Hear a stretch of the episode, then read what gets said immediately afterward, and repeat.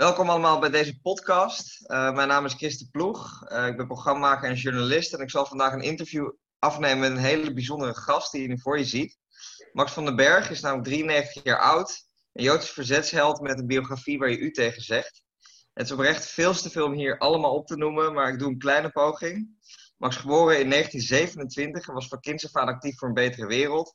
In de jaren 30 ondersteunde hij bijvoorbeeld al communisten en Joodse vluchtelingen die uit Duitsland vluchten. En tijdens de oorlog zou hij meedoen aan de februari-staking en de ondergrondse waarheidkrant verspreiden. Uh, maar hij verloor ook een groot deel van zijn familie aan de Holocaust, dat voor hem een enorme drijfkracht zou zijn om zich blijvend in te zetten voor een betere wereld. Na de oorlog bleef Max dan ook betrokken bij talloze acties en stakingen. Uh, tegen de oorlog in Indonesië, tegen racisme, tegen kernwapens, uh, industriële milieuschade, ga zo maar door. Maar ook voor eerlijkere lonen en, uh, en lagere huren. Hij organiseerde de eerste Auschwitz-herdenking in de jaren 50 en stond daarmee ook aan de wieg van het Auschwitz-comité en was ook betrokken bij de oprichting van het Verzetsmuseum. Max van den Berg heeft zich dus al 85 jaar onvermoeibaar ingezet voor een rechtvaardige wereld. En uh, nu we dan de 4 mei dodenherdenking naderen, leek het ons een heel goed idee om met Max uh, te gaan praten. Uh, helaas via Zoom. We hadden eigenlijk een evenement in Pakhuis en Zwijgen gehad, maar die is natuurlijk afgelast. dus nu doen we het op deze manier. En we vragen ons eigenlijk af van ja, hoe, hoe kijkt, hoe kijkt zo'n verzetsheld na zoveel jaren terug naar de oorlogsverwerking van, van Nederland? Dus Max, ik ga gewoon helemaal bij het begin beginnen hoe oud was je toen je actief werd en, en wat deed je toen? En kun je misschien ook een beetje vertellen hoe de wereld er toen uitzag en waarom je al op zo'n jonge leeftijd gemotiveerd was om, om, uh, om je in te zetten? Ja, ik moet eerst vertellen waar ik vandaan kom. Mijn ja. uh, vader is dus uh, een Joodse diamantbewerker, mijn grootvader ook. Die was kloofleider, die had een eigen molensysteem bij Ascher. En uh, ze waren zeer actief in de Diamantbewerkersbond van uh, Harry Polak. Van mijn moederszijde is een heel andere zaak. Dat waren oude sociaaldemocraten.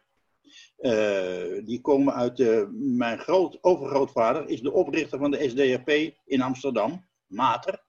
En we zijn verbonden met bekende sociaaldemocraten als Fontijn en latere minister van Tempel. Die komen allemaal in onze familie voor. Het waren dus twee sociaaldemocratische ouders en grootouders had ik. Maar alle twee met een volkomen verschillende invalshoek. De een was een beetje liberaal-christelijk en de ander was een beetje joods. En uh, dat heeft niet zo goed met elkaar gecombineerd, want ze hebben elkaar nooit meer gezien. Maar goed, uh, daar kom ik uit voort. Dus uit wel een sociaal-democratisch actief optreden.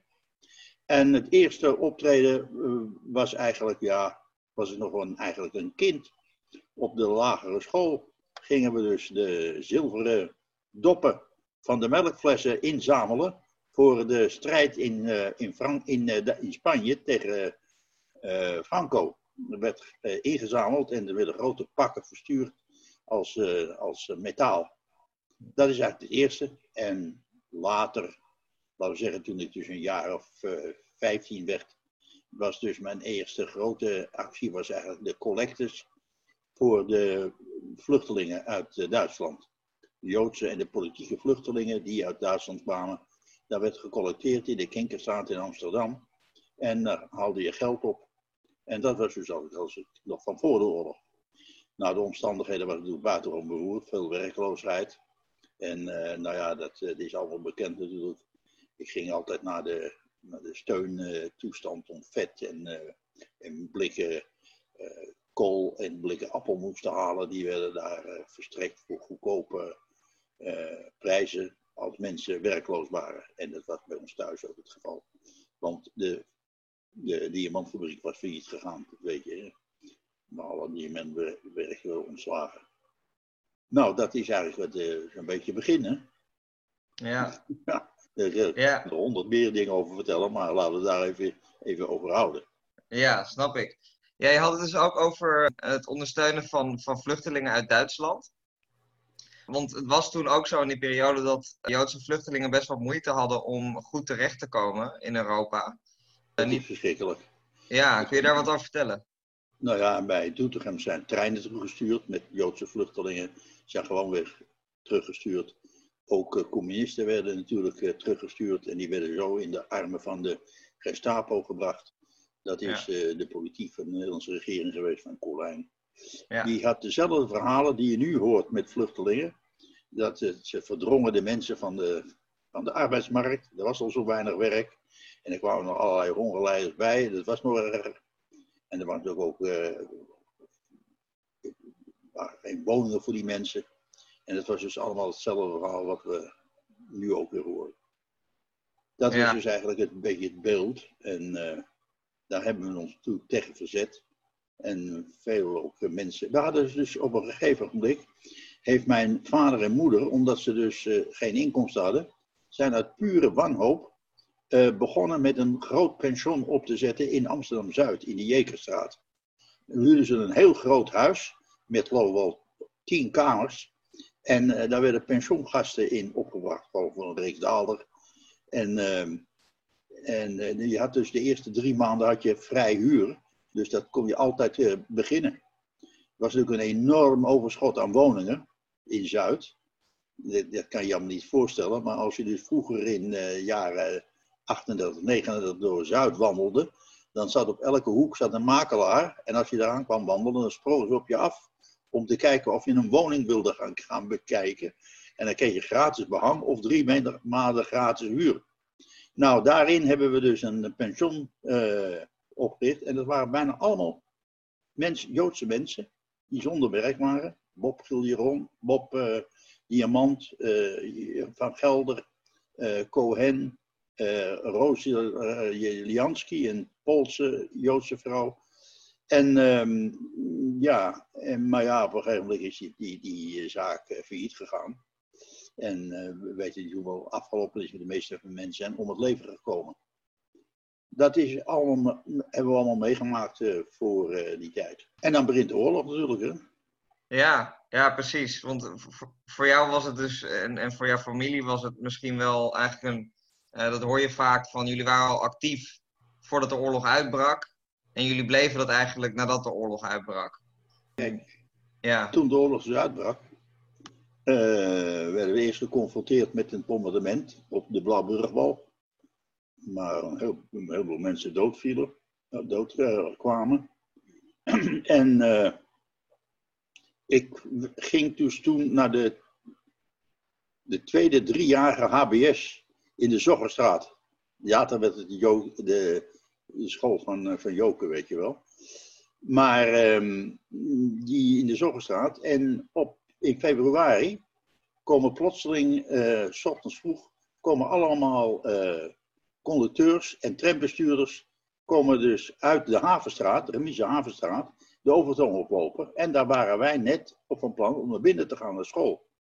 En die zeiden allemaal, we staken, we staken tegen de jodenuitverhoging. En toen dacht ik, nou, dan moeten we kijken of we onze bijdrage kunnen leveren. En toen riep ik dus op om de, op de schoolstaking.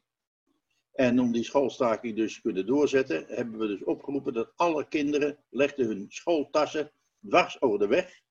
En niemand die kon er dus doorheen. En alle fietsers, want auto's had je haast niet, die moesten dus afstappen en over het trottoir verder gaan.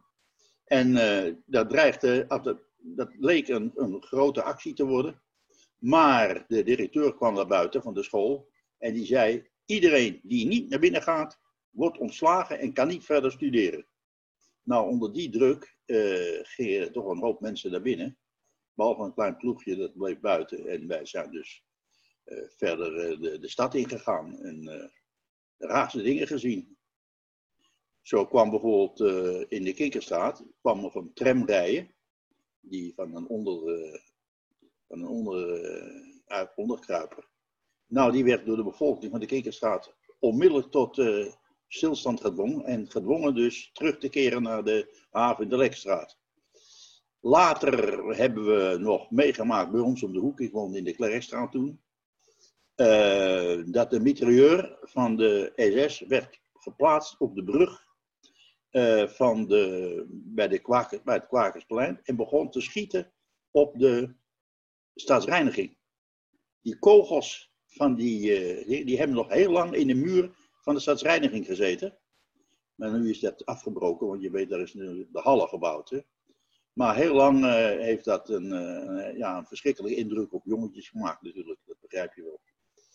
En nou ja, zo geleidelijk aan eh, kwam ik in contact met meneer Posma. Dat was een contributieloper van de Aurora levensverzekering en dat was een communist. En die heeft me eigenlijk betrokken bij het werken voor Dagblad de Waarheid. Illegaal blad, dat moest ik dus ergens ophalen bij, uh, bij een bepaald adres in de Kwakenstraat en later bij een sigaarhandelaar in de Kinkerstraat. En dat moest ik dus verspreiden onder uh, trampersoneel. En in de hongerwinter werd dat trampersoneel, dat werd dus uh, personeel in de gaarkeuken, in de volkskeuken. En heb ik dus de krant verspreid onder de mensen van de volkskeuken. Ondertussen heeft mijn broer, die dus een technicus was, die heeft een kristalontvanger gemaakt. En dat is heel wonderlijk. Dat is, ik weet niet precies hoe het werkt, ik ben niet technisch. Maar uh, die heeft een enorme draad gespannen over de hele blok. En daar kon je mee, uh, Engeland en ook Rusland, kon je daarmee ontvangen. Met een koptelefoon. En die berichten ontving ik dus. En daar schreef ik dus brieven op. En die brieven die werden verspreid ook onder het personeel van de, van de gaarkeuken. Nou ja, dat zijn een beetje geen wonderlijk grote dingen. Maar ja, we zijn toch actief geweest. En wat je als, als jongen eigenlijk nog kon doen, dat hebben we gedaan.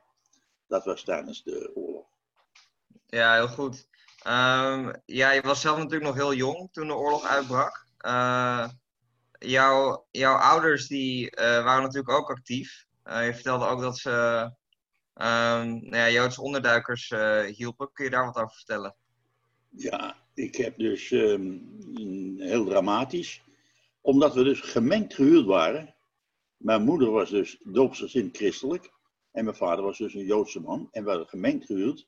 En die werden voorlopig vrijgesteld van deportatie. En in die periode heb ik dus mijn beste vriend, mijn neefje Joel Reins, Reens, en zijn vader en moeder, Joel Reens en, uh, en zijn uh, Judith Reens, die zijn bij ons ondergedoken. Dat wil zeggen, op de zolder ondergebracht. En uh, overdag kwamen ze dus bij ons eten. En s'nachts sliepen ze op de zolder. En dat is natuurlijk een hele benauwde geschiedenis als je er drie mensen in een vrij kleine woning erbij hebt. En dat maanden en maanden voortduurde. En bovendien dat er problemen zat van voedsel, van bonkaarten enzovoort. Maar dat hebben we toch gedaan. Ik moest op een gegeven moment moest ik dus de bonkaarten ophalen van mijn uh, oom, oom Joel Reens. Maar ik wist dus niet of die uh, bonkaarten nog wel uh, geldig waren, of die al niet geblokkeerd waren. Die waren nog gelukkig niet geblokkeerd, dus we konden met die bonkaarten nog wat voedsel halen. Toen uh, op een gegeven moment is er dus verraad gepleegd. En op een dag stond met sleutels zijn ze naar binnen gegaan, de trap opgelopen en plotseling de deur ingeramd. En er stonden vier mensen van de Nederlandse recherche landverraaiers. En die hebben ze gearresteerd. Mijn vader en mijn oom en mijn tante en mijn, mijn voornaamste vriend, Jopie Reens, die uh, werden dus gearresteerd en naar de Hollandse Schouwburg gebracht. Daar heb ik uh, nog uh, één keer mijn vader gezien op het balkon. En zij werden in een heel groot tempo, na twee dagen, doorgestuurd naar Westerbork. Wij zijn toen met mijn moeder zijn wij naar de Gestapo gegaan. Ik heb een persoonlijk gesprek gehad met, met uh, lagers. En gezegd wat het onzin is. Mijn vader is gemengd gehuurd. Ja, zit hij, maar hij heeft Joden helpen onderduiken. En dat is dus zijn eigen schuld. Maar zegt hij, ja, zet ik bovendien, ik weet niet of dat allemaal zo echt is, dat gemengde huwelijk, er is zoveel zwendel bij. Dus hij vertrouwde het niet. Toen is mijn moeder met mij, zijn we naar Stadskanaal gegaan. Dat is in die tijd een wereldreis geweest. Dat duurde enorm lang. Om bij een uh, doopsgezinde dominee de geboortepapieren te krijgen van ons. Want ze waren van doopsgezind. We kwamen bij die dominee en die blafte ons af en die wilde ons absoluut op geen enkele manier helpen. Die uh, zegt, ik begin ik niet aan en ik wil dat wel doen, maar dat gaat een half jaar duren. Maar ja, dan was mijn vader al doorgestuurd. En uh, toen mijn moeder in halen uitbarstte. En toen zei die man, ja, wat is het dan? Nou, toen vertelde ze waarvoor het was. Oh, zegt hij, maar had dat nou meteen gezegd? Dat regelen u in een half uur. Ja, maar waarom bent u dan zo boos geweest? Ja, zegt hij, maar uwzelfde familieleden uit Rotterdam, die kwamen met hetzelfde verhaal. Die wilden ook papieren hebben. Maar dat was voor de SS. Die gingen, werden lid van de SS en die hadden dus arie papieren nodig voor de SS. Ja, dat heb je in één familie. Het is allemaal niet zo eenduidig. Nou goed, dat is dus allemaal nodig gekomen. Alleen mijn uh, oom en mijn tante en mijn neefje en al mijn zusters, ooms en tantes zijn allemaal om het leven gekomen in uh, Auschwitz en in Sobibor. Ook een aantal in Sobibor om het leven gekomen. En dat is dus een, een, een indruk op me gemaakt. Die heeft dus mijn hele leven verder bepaald. Dat kan je zeggen, dat is dus racisme. En fascisme, dat heeft dus het hele leven verder bepaald. Ja, bedankt uh, Max. Hele heftige, indrukwekkende verhalen. Jij vertelt dus ook dat dat echt een drijfveer voor je is om, om, om je te blijven inzetten. Tegelijkertijd kan ik me ook heel erg voorstellen als je als nou ja, heel jong kind, je bent nog een tiener, uh, je familie verliest, dat je juist angstig wordt uh, en juist maar de, de veiligheid zou willen opzoeken. Maar jij bleef, jij bleef actief, je ging uh, nou ja, bijvoorbeeld de waarheid verspreiden. waar, waar haal je die kracht vandaan eigenlijk? En, en waarom, waarom bleef je je inzetten? Nou, dat is, ik kan niet namens andere mensen spreken, maar dat is voor mij heel vreemd. Ik denk dat ik helemaal niet zo flink was als, als dat het lijkt. Ik had eigenlijk geen flauw idee van het gevaar. Je bent nog jong en je ziet dat gevaar niet. Je vindt het eigenlijk, je moet het gewoon doen. Het is noodzakelijk. En het gevaar heb ik als zodanig niet zo direct gevoeld. Dat kwam later. Veel later is daar reactie op gekomen. Maar toen eigenlijk niet. Heel vreemd. Ik, ik kan dat niet precies verklaren. Ik heb er ook geen, uh, geen angstig verhaal van. Ja, bijzonder is dat. Hey Max, ik vraag me af, het is nu bijna 4 mei. Je hebt zelf heel veel meegemaakt tijdens de Tweede Wereldoorlog. En ik vraag me af hoe jij tegen de nationale dodenherdenking aankijkt. Uh, zowel nu misschien, ik ga je bijvoorbeeld naar de Dam, maar ook in het verleden en, en uh, vanaf het begin. Uh, hoe keek je er tegenaan? Kijk, ehm, de eerste jaren kreeg je dus, omdat ik dus een verzetsuitkering gekregen heb, kreeg je altijd een uitnodiging om op de nieuwe kerk te komen. En aan de herdenking van de 4e mei deel te nemen. Dat heb ik al die tijd trouw gedaan. En, maar langzaam is dat. Kijk, het herdenken heeft natuurlijk een dubbele betekenis. Je hebt herdenkt de mensen die gevallen zijn, de doden, herdenking eigenlijk. En tegelijkertijd heeft het natuurlijk een maatschappelijk aspect. En dat is dat het fascisme verslagen is en dat je de vrijheid hebt teruggewonnen. En dat kon voor mij zich niet verenigen met het gelijktijdig herdenken van uh, de uh, Indonesiërs, de, de, de, slachtoffers, de soldaten die in Indonesië gevallen waren. Er zijn 8000 uh, Nederlandse militairen om het leven gekomen in de koloniale oorlog. En 100 tot 150.000 Indonesiërs.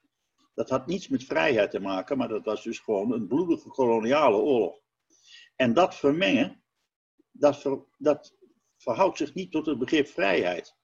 Dat kan ze natuurlijk wel uh, verenigen met het idee van een dodenherdenking, want alle doden worden herdacht, maar niet met het begrip vrijheid. Dat vind ik dus, en daarna ben ik dus nooit meer geweest naar de, naar de herdenking. Al jaren niet. Ondanks het feit dat het een, heel belangrijke, een hele belangrijke dag is voor een heleboel mensen. En die dus hun, hun, hun doden herdenken. Maar uh, ik vind het is een, uh, voor mij is het een, uh, een, een strijddag tegen fascisme. Ja. En uh, voor anderen hebben daar een andere invalshoek over, kennelijk. Ja, nee, tuurlijk. De reden dat ik ook naar, naar 4 mei vroeg was omdat nu, nu gaat de 4 mei herdenking primair om de holocaust. Uh, maar dat was niet altijd zo. Kort na de oorlog was er helemaal niet zoveel aandacht voor. En dat was ook een van de redenen dat jij destijds Auschwitz-herdenking uh, had opgezet. Ja, dat is, dat is een, een verhaal apart. Uh, Sirankiewicz was de, de president van Polen, was zelf een Joodse man, die in het concentratiekamp Auschwitz gezeten had. En die heeft op alle uh, landen in Europa, die door de Duitsers bezet waren, opgeroepen om naar Auschwitz te komen en daar een grote uh, nationale Auschwitz-herdenking te roepen, uit te roepen. Dat is gebeurd. Uit Nederland ging een delegatie daar naartoe. En uh, Bes Roos, die was daarbij, Sam Goudsmit, de schrijver. En uh, die hebben dus uh, as uit, de, uit het kamp meegenomen in een urn. En die hebben ze naar Nederland overgebracht. Wat moest er nu met die urn gebeuren? En ik was bevriend met Sam Goudsmit, schrijver. Die heeft verschillende boeken over, uh, over pogroms geschreven, in boeken van de arbeiderspers. En uh, toen uh, hebben we besloten die urn in grote herdenking te plaatsen op de, op de Oosterbegraafplaats. Nou, wat je toen meemaakte, dat hou je nu niet voor mogelijk. Ik werd gebeld dus door Joodse instanties. Of ik kon bevestigen dat de as uitsluitend Joods was. Dat kon ik natuurlijk niet, want er waren natuurlijk ook veel Sinti's en Roma's en ook Poolse gevangenen om het leven gebracht. Nou, zegt hij, dat is dus geen enkele reden om die urn aan een Joods begraafplaats eh, te bevestigen. Maar de belangstelling voor de herdenking via de urn nam grote vorm aan. Allerlei uh, groepen wilden meedoen aan die manifestatie. En onder druk van die zaak draaide de kwestie van uh, de Joodse gemeenschap draaide om. En die wilden toen plotseling wel absoluut de urn op de Joodse begraafplaats hebben. Maar daar was Sam Goudsmit ook erg op tegen. Dat waren allemaal geseculeerde Joodse mensen.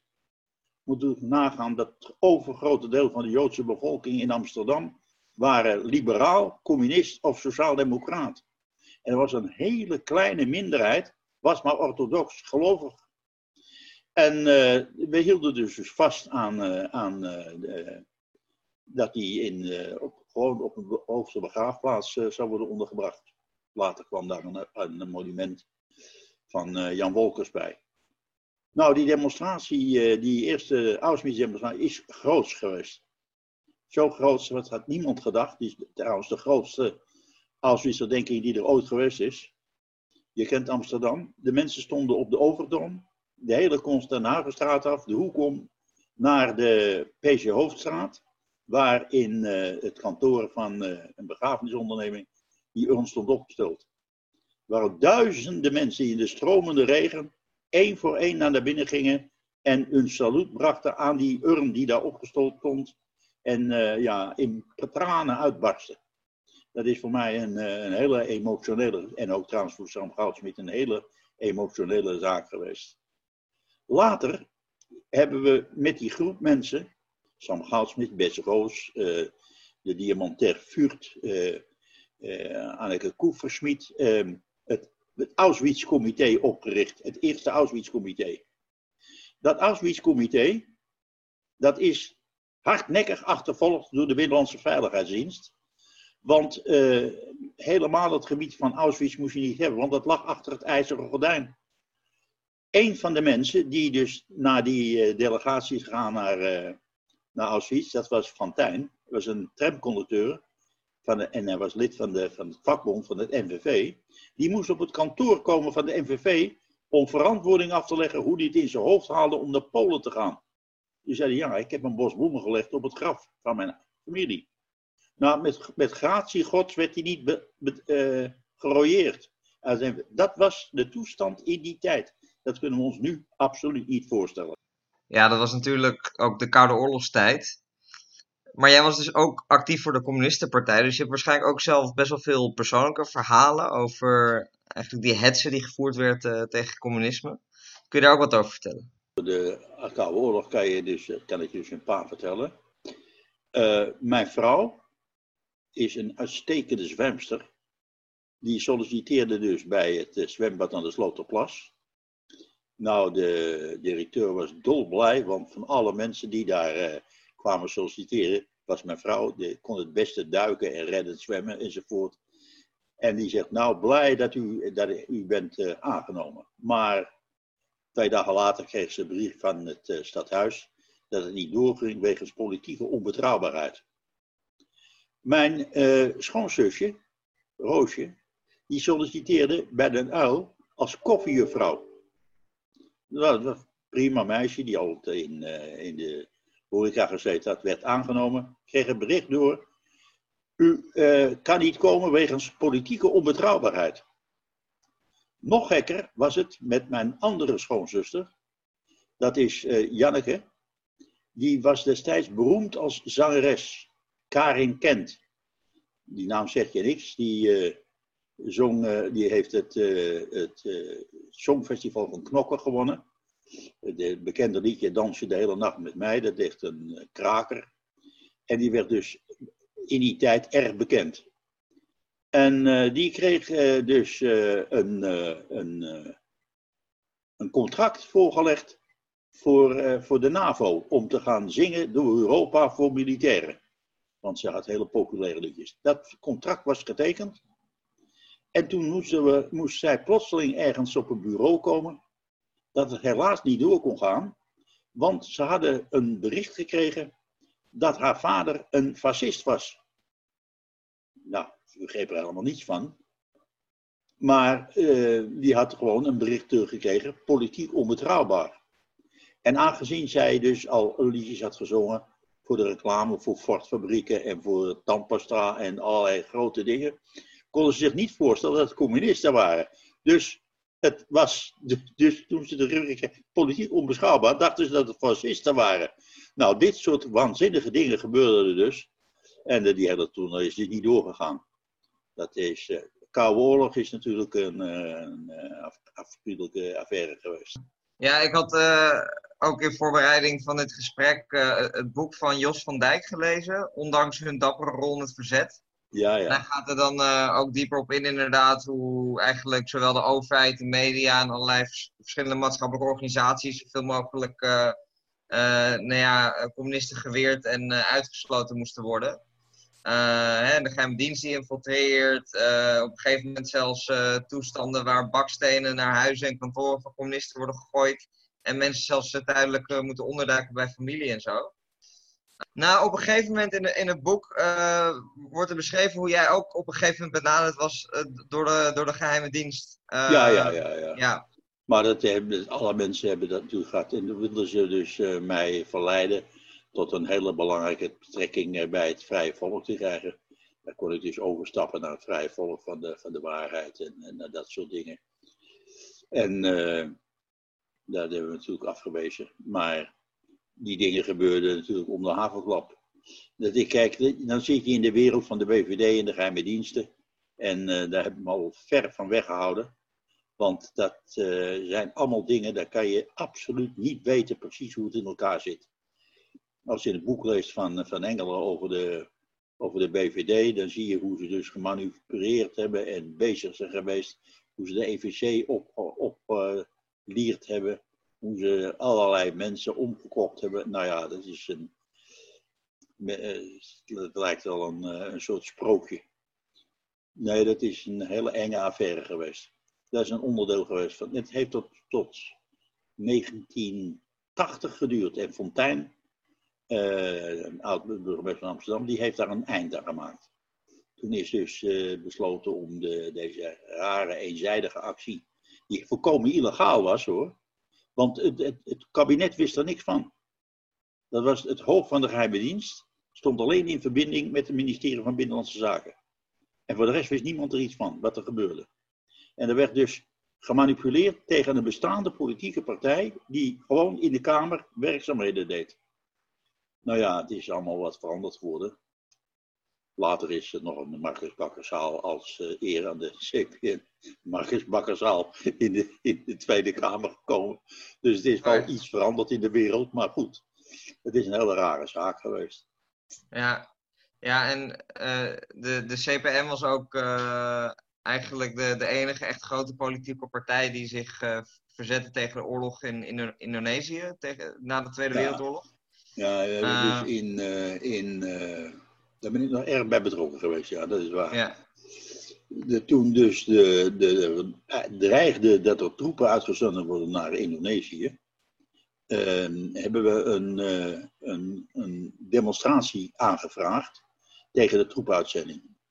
En zoals dus gewoon dat was, die demonstratie werd verboden. Dus dan ga je een illegale demonstratie organiseren. En dat doe je dus door, door de Kalverstraat en de Nieuwendijk op zaterdagmiddag te demonstreren tussen het winkelende publiek met borden en, en, en uh, toeters en schreeuwen en leuzen. En dan is moeilijk in te grijpen, want er lopen natuurlijk duizenden eh, rustige kopers. En dat viel ook niet mee. Maar uh, aan die uh, demonstratie namen ook openlijk militairen deel, die ook tegen die oorlog waren. Je moet je voorstellen dat die oorlog, die begon dus al een, een jaar, anderhalf jaar na de oorlog. Iedereen was blij dat er eindelijk vrede was en daar kwamen wij met een zogenaamde politionele actie. En uh, op een gegeven moment is die, demonstratie komt uit op de Halemerstraat. En uh, daar wordt een soldaat wordt gearresteerd door de militaire politie. Maar er waren zoveel omstanders, die rukten die, uh, die soldaat uit de handen van de militaire politie. En zeggen, die man doet zijn werk en die moet niet gearresteerd worden. Nou, bij die rel, bij die actie, is dus Petrus Dobbelaar, een, uh, een arbeider uit Amsterdam-Noord, doodgeschoten. Dat gaf een schok. Voor het eerst werd er iemand die demonstreerde voor de vrede en voor de vrijheid van Indonesië, die werd doodgeschoten. En uh, dat heeft geleid tot de grote septemberdemonstratie. Ik zal je een verhaal vertellen, een geheim dat nog niet bekend is. Maar die septemberstaking die gaan we nu voor het eerst na 75 jaar gaan we herdenken. Gaan we herdenken samen met het FNV.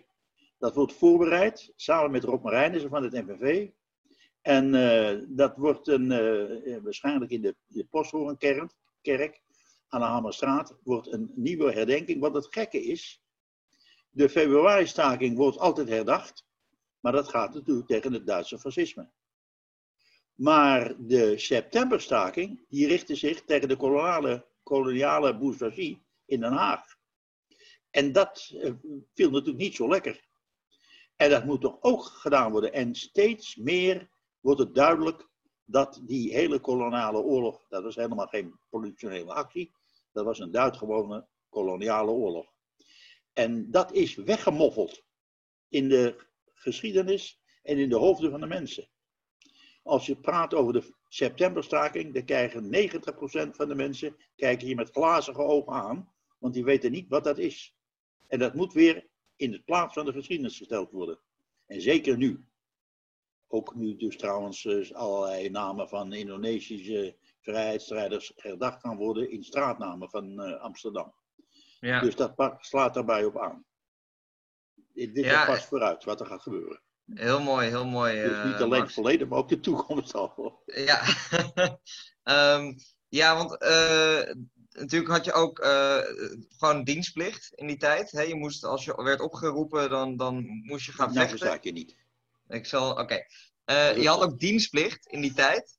Ja, ik werd afgekeurd. Jij werd afgekeurd? Ja. Ik werd afgekeurd en dat werden, de meeste communisten werden afgekeurd. Als je ja. begrijpt wat ik bedoel. Om, om, om ideologische ja, redenen. Het afgekeurd. Het is ernstig hartafwijking. Nou, ik ben later naar de dokter gegaan. Ik heb het nooit. Ik heb van alles gehad, behalve mijn hart. Dat is dus allemaal onzin geweest. Oké. Ja, de meerdere mensen werden afgekeurd. Ja, maar misschien is dat ook, ook wel weer uh, een geluk bij een ongeluk geweest dan. Want als je dienstweigeraar, en zeker als je dienstweigeraar was, dan kon je echt naar de gevangenis gaan. Ja. Maar ja, dat zei Kruif ook al. Elk voordeel heeft zijn nadelen. En elk nadeel heeft zijn voordeel. Dat is een bekende uitspraak van Johan Cruijff. Nou goed, uh, als we dan toch al uh, iets meer naar het heden gaan, wil ik ook nu een beetje gaan praten over misschien de, de dingen waar jij mee bezig hebt gehouden, die dus nu ook heel erg spelen. Het zijn heel veel verschillende dingen. Uh, maar bijvoorbeeld nu hè, speelt corona heel erg, maar ook mensen in, in een context waar heel veel mensen dakloos zijn. en dus hè, de huur niet kunnen betalen en dergelijke. Um, en daardoor op straat leven en zich niet kunnen houden aan, aan de voorschriften en gewoon gevaar lopen eigenlijk. Um, jij houdt je eigenlijk al heel lang bezig. Je hebt hele grote acties, stakingen heb, je, heb je aan meegedaan over de jaren heen. Uh, kun je misschien wat over die acties vertellen en hoeveel denk je dat, daar, dat we daar nog van kunnen leren vandaag de dag? Nou, kijk, de grote stakingen hebben natuurlijk plaatsgevonden in de jaren, eind jaren 60, 70. Hele grote stakingen. Vooral heeft de bouw een grote rol gespeeld. De bouwvakstakingen. In die tijd had je dus de geleide loonpolitiek. En het loon moest ongelooflijk laag gehouden worden. Een van de laagste lonen in de, uit de omgeving van ons land. En de bouwvakkers die braken regelmatig door, de stakingen, door stakingen heen, door het plafond. En die kregen veel hogere inkomen dan alle andere arbeiders. Uh, stucadoors die verdienen ruim. En, uh, bouw, en dat was dus een, een, een sterke groep, zeer linkse mensen die, uh, zich door niets laten weerhouden. Daar ben ik vaak bij betrokken geweest. Ik moest vaak praten in de bouwketen van de bouwvakkers. En daar werd dus de politiek van de communisten uiteengezet. En dan zeiden ze altijd: We hebben een half uur pauze. Max, je krijgt een kwartier. Want er is altijd één kwartier voor de speelman. In de kwam altijd een accordeonist met allerlei liedjes. En uh, dat moest dus altijd samen gedeeld worden. Met de speelman en de spreker. En uh, die acties die hebben geleid tot het doorbraken, tot het doorbreken. En eigenlijk zijn eigenlijk de grote loondoorbraken gekomen in de jaren, eind jaren 60, 70. Grote havenstakingen. Uh, ik heb zelf gesproken op de. Op de ik liep je, liep je, liet je jezelf dus insluiten bij de ADSM en de NDSM, grote scheepswerven. En dan ging je in de pauze ging je daar spreken op de werf. Dat heb ik twee keer gedaan, maar de derde keer werd ik uh, gepakt. En werd ik uh, met, uh, onder begeleiding van de, de, van de werfpolitie werd ik dus de, de deur uitgezet. Maar ja, zo probeerde je dus. ik heb ook de grote havenstaking in Rotterdam en de sleepbootstakingen allemaal meegemaakt. En, uh, ja, en natuurlijk de grote staking van de, uh, de NK-fabrieken in Breda. En natuurlijk niet vergeten de grote stroomkartonstakingen in Noord. In, in, in Oude Pekela onder leiding van Free Meijs, de beroemde Free Meijs. Waarvan tegenwoordig nog een standbeeld is opgericht in Oude Pekela. En interessant is dus ook dat in die stakingen Shark, de sigarettenfabriek in, uh, in Groningen. Daar hebben de communisten voor het eerst een staking gehad voor gelijk loon, voor gelijk arbeid. En daar hebben de vrouwen hebben dus het werk neergelegd omdat ze dezelfde werk deden als de mannen en gewoon veel minder verdiend kregen. En dat is gewonnen, die staking. Dat is de eerste staking geweest voor uh, gelijk loon voor gelijke arbeid. Nou ja, ik kan er tientallen dingen over vertellen, maar het is uh, ongelooflijk. Die, die staking in, in, in Breda, die, die fabriek die gesloten, gesloten moest worden omdat er zogenaamd geen werk meer was. En die mensen hebben het fabriek zelf bezet. Dat was de eigen fabrieksbezetting. Ja. Die is gewonnen. En dat, ja, daar hebben we een grote rol in gespeeld. Ja, Denk je dat, uh, dat er nu misschien ook uh, meer, meer stakingen zouden moeten zijn? Meer, meer van dat soort acties? Zou dat denk je helpen? Ja, maar er zijn natuurlijk nu hele grote stakingen geweest. Hè? En grote demonstraties, onderwijs. Kijk, het is natuurlijk een feit dat de hele economie is veranderd. Waar je vroeger dus de stakingen had in de haven en in de bouw. Mhm. de bouw is bijna een fabriek geworden onderdelen in elkaar zetten. De, de haven is containerwerk geworden. En uh, de metaal is natuurlijk ingeschrompeld. Allerlei bedrijven zijn verdwenen. De werven zijn weg. Uh, er is wat dat betreft een hele andere soort uh, werkende bevolking gekomen. Er zijn dus uh, veel mensen in de dienstverlening, in het transport, in de, in de zorg, in het ziekenfondswezen, ziekenwezen. En, daar, en het onderwijs, daar zijn ook grote stakingen geweest de afgelopen jaren. Heel groot, hele grote bewegingen. En die buitengewoon omvangrijk waren. Maar ja, de communistische partij is er dus niet meer en die waren daar dus niet bij betrokken. Ja, maar je nee, dus dat ook zonder communistische partij de, de werkende bevolking zich goed kan weren. En uh, ja. vakbeweging is natuurlijk een stuk strijdbaarder geworden dan toen. Kijk, in die periode van het NVV, vlak na de oorlog, was de vakbeweging eigenlijk de uitvoerder van de loonpolitiek van de regering. Er zijn voorbeelden dat uh, bedrijven waar meer werd betaald dan het uh, CAO toestond, dat de NVV-bestuurders naartoe gingen en met de directie gingen praten en die directie waarschuwde dat ze schandelijk de arbeiders te veel betaalden. Dat is natuurlijk krankzinnig, maar dat is allemaal gebeurd. ja, nou, die uh, situatie is niet meer. Ja, gelukkig maar.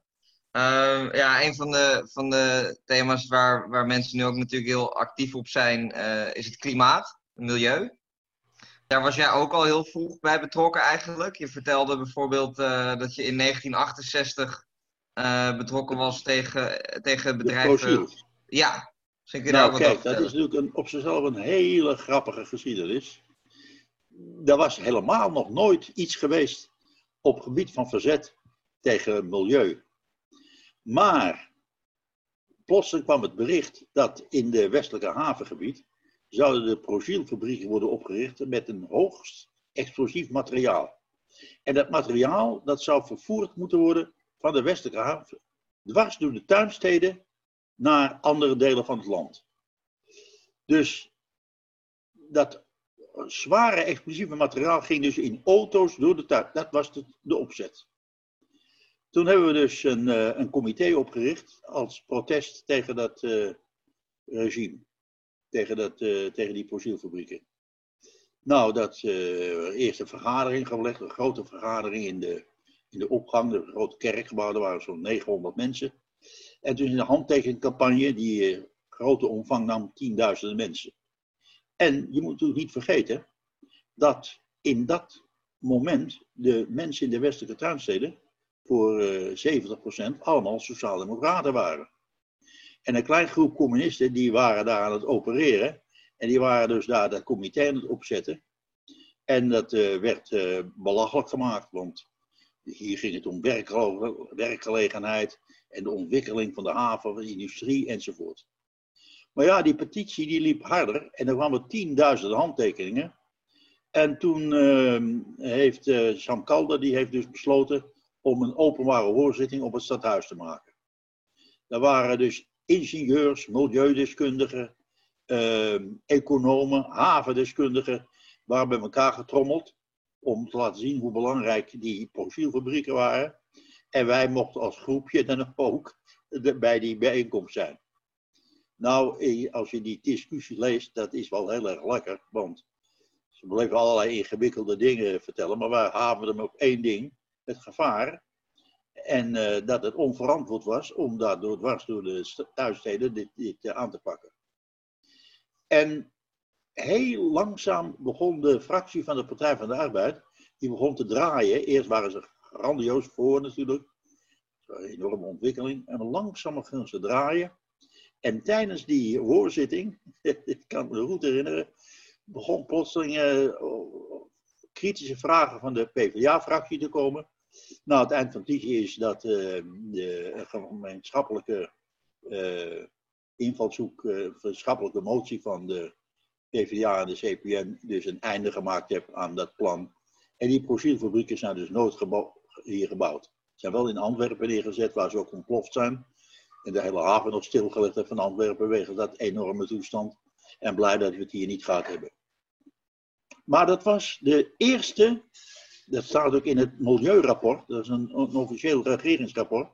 Daarop wordt gezegd, dit was de eerste officiële milieuactie in Nederland. Je had wel allerlei milieu-ideeën en intellectuele grappen erover. Maar een beweging, echt een beweging van de bevolking, was dat de eerste. Ja, mooi. Heel mooi. Ander thema, om, wat natuurlijk ook door je hele leven heen heeft gespeeld, is dat, is dat racisme. Uh, daar ben je ook nog steeds bij betrokken. Uh, bijvoorbeeld bij de uh, comité van waakzaamheid tegen herlevend racisme. En je gaf vorige maand ook nog heb je een boodschap ingesproken voor het comité 21 maart tegen racisme. Hoe, hoe zie je dat racisme vandaag de dag eigenlijk? En, en wat is jouw, jouw oproep daartoe, zeker nu, nu we 4 mei naderen?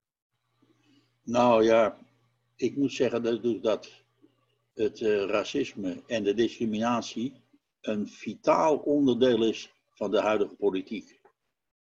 Laten we eerst een aantal extreme dingen noemen. Uh, in, uh, in Tallinn, in Estland, is een monument opgericht ter ere van de SS. In Oekraïne, waar je zelf over geschreven hebt, zijn er postzegels uitgegeven van Bandera, de leider van de Oekraïnse SS. Die hebben posters uitgegeven. Nou ja, je hebt zelf over Oekraïne geschreven. Dat zijn dus zeer gevaarlijke tendensen die zich in alle landen van Oost-Europa afspelen. In Duitsland is natuurlijk de toestand nog veel ernstiger. Daar treedt de AFD op met een uiterst racistische eh, programma's. En laten we nu nemen in Nederland. We hebben dus eerst natuurlijk uh, meer of minder Marokkanen gehad van van Wilders. Maar uh, Baudet met zijn uh, forum is nog eigenlijk veel gevaarlijker.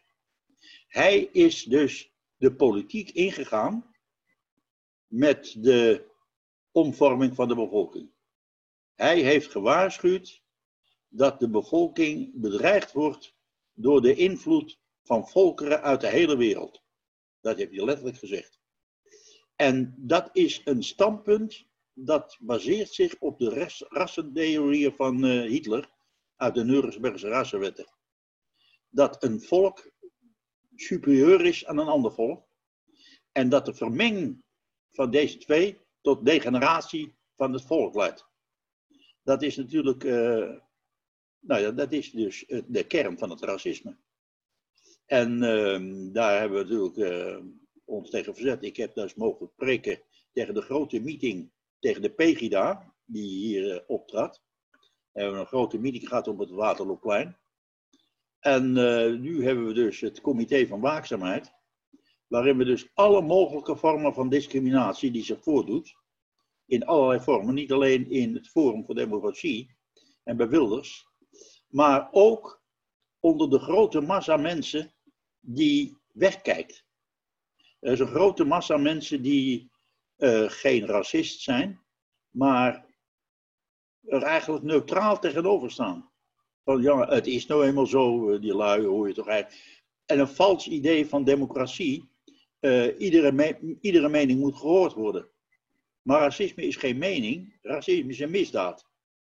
En dat moet goed duidelijk gemaakt worden. En daar zijn we dus ook in het comité van waakzaamheid mee bezig het, eh, het, het comité van, uh, van uh, tegen racisme. En we hadden natuurlijk een hele grote demonstratie samen met het FNV. op de 21ste, 21 maart. Dat is een dag tegen het racisme, die is uitgeroepen door de Verenigde Naties. En daar zou spreken dus het FNV-leider. En ik zouden daar het slotwoord spreken op het Waterloopplein. Het is helaas door de corona niet doorgegaan. Maar uh, deze beweging wordt ondersteund op het ogenblik door uh, alle linkse partijen.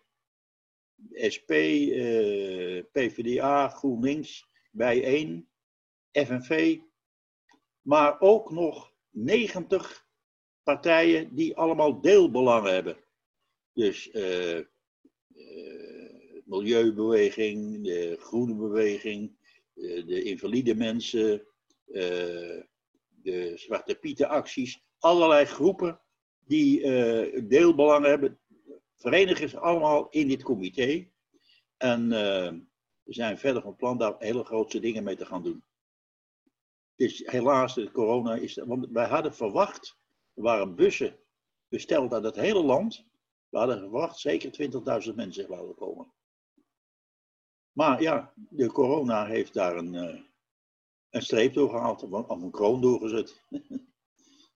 Ja, ja, gelukkig was er nog wel een hele mooie uitzending uh, van het comité uh, op, op AT5. Ik weet niet of mensen die ook kunnen terugkijken. Ja, AT5, ja. ja. ja. ja. Daar hebben we uh, allerlei mensen zijn daar dus aan, dat, aan de, al die groepen zijn eraan voer gekomen. Ook onder andere bijvoorbeeld de Cynthia Roma, zoals Sabia ja. Achterberg, die heeft daar gesproken. Een hele ontwikkelde vrouw. En allerlei hele belangrijke mensen, ook de Kitty de Jong van de vakbeweging. Dat zijn allemaal uh, belangrijke mensen die daar aan meedoen. Ja. Dus wij hopen dus daar een breed front tegen het racisme te kunnen ontwikkelen en tegen discriminatie. Ja. Overal uh, nog steeds blijven vrouwen achter. Nog steeds uh, zijn er in sollicitaties grote remmingen voor Marokkanen en Turkse mensen. Nog steeds is, zijn er moeilijkheden bij het krijgen van stageplaatsen. Nou ja, het is, uh, allerlei uh, dingen zijn bekend, maar die moeten wel doorbroken worden een keer. Heel, heel erg goed. Uh, we naderen nu een beetje het einde van het interview. We hebben ongeveer een uur gesproken. We zijn begonnen eigenlijk al in de jaren dertig. dus je hebt een heel lang leven geleefd, heel actief geweest. En ik, ik ben benieuwd om, hè, om toch af te sluiten of wat, wat je eigenlijk ziet als de belangrijkste lessen die we moeten onthouden uit, uit je ervaringen tot nu toe. Ja. Nou, kijk, één belangrijke les is dit. Je kan natuurlijk een heleboel ideeën hebben en hele progressieve gedachten hebben. En die zijn er ook altijd wel. Maar het gaat, in de eerste plaats gaat het om machtsvorming. Als je, kijk, Karl Marx zei al, het gaat niet om de wereld te verklaren, maar om de wereld te veranderen. En dat is een waarheid die niet altijd overal wordt aangepakt. Er lopen natuurlijk duizenden mensen, misschien jij ook, met de meest wilde ideeën rond en de meest extreme gedachtegangen. Maar het gaat er ook om gedachtegangen die moet je kunnen praten in een beweging die, die beweging tot stand brengt. Het gaat om machtsvorming om beweging tot stand te brengen. Als je dat niet doet, dan sla je de plank mis. Uh, ik zal je vertellen dat bijvoorbeeld een, bij een staking. Je kan oproepen, het is onrechtvaardig, je wordt uitgebuit, maar er schiet je niks meer op. Een staking, een actie, leidt alleen maar tot succes als de mensen het, het probleem als zeer onrechtvaardig voelen, dat ze de eisen juist vinden en dat ze het gevoel hebben dat ze door hun optreden een, resultaat kunnen bereiken. Als je deze ideeën niet bij elkaar hebt, dan wordt het nooit wat. Machtsvorming is dus het belangrijkste ontwerp voor uh, de belangrijkste taak van de linkse groepen om tot kracht te komen tegen het uh, racisme, maar ook tegen het neoliberalisme, wat natuurlijk een verwoestende uitwerking heeft. Zoals nu blijkt met de corona, hoe de afbraak van bejaardenhuizen en van de zorg en van de ziekenhuizen faillissementen wat voor een nadeel dat heeft in de huidige omstandigheden. En de, de uitbuiting is natuurlijk verschrikkelijk, ook van de derde wereld. En dat zijn dingen die allemaal veranderd moeten worden, maar alleen door machtsvorming. Kijk, we hebben, ik laat het zo zeggen. We zijn met zes, zeven dingen wel eens bezig geweest. Maar één ding slaat pas aan. En dat is als de mensen het bevatten en bereid zijn ervoor op te treden. En het is het politieke neus moet je hebben om dat ding te pakken. Laat ik een voorbeeld geven. De neutronenbom. Hoe hebben we nou de neutronenbom aan de orde gekregen? Door vast te stellen dat de neutronenbom een wapen was wat de fabriek overeind hield en de mensen doodde. Dat vonden de mensen een walgelijk idee. Toen is daar een breed comité opgevormd met honderden specialisten en uh, intellectuelen en is de grote beweging gekomen tegen de neutronenbom. De Hollanditis brak toen uit En is over heel Europa, is in Nederland gestart. Heel Europa is het verzet tegen die neutronenbom ontstaan. En een neutronenbom is voorlopig van de kaart. Dat is een beweging die zich onmiddellijk aansloot bij een hele brede beweging. In alle dorpen. Nou ja, misschien kan je nog herinneren dat, dat uh, gele affiche tegen de neutronenbom. Dat hing in honderdduizenden gezinnen hing dat in Europa. En dat is als je de, de, de massa meekrijgt en het goede moment vindt om iets aan te pakken. En dat is uh, vaak een heel lastig probleem. Dat uh, heet vinger, vingerspitsengevoel hoor. Dat is... Een, een, neusje hebben voor wat er speelt onder de mensen en daarop inzetten. Ja, dat moet je natuurlijk... Ja,